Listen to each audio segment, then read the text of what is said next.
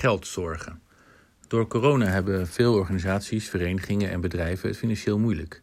Niet zo gek natuurlijk, want dit afschuwelijke virus legt zo'n beetje de hele economie plat.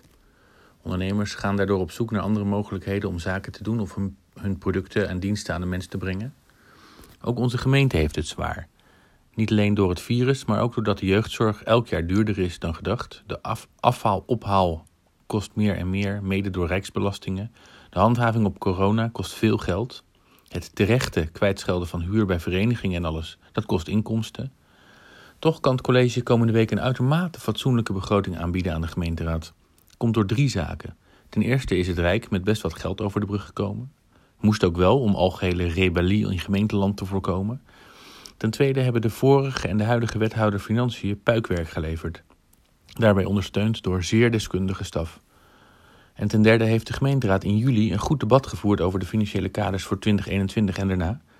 En die drie zaken betalen zich nu uit. De begroting waarmee we het ongetwijfeld lastige komende jaar in kunnen. Het ziet er goed uit.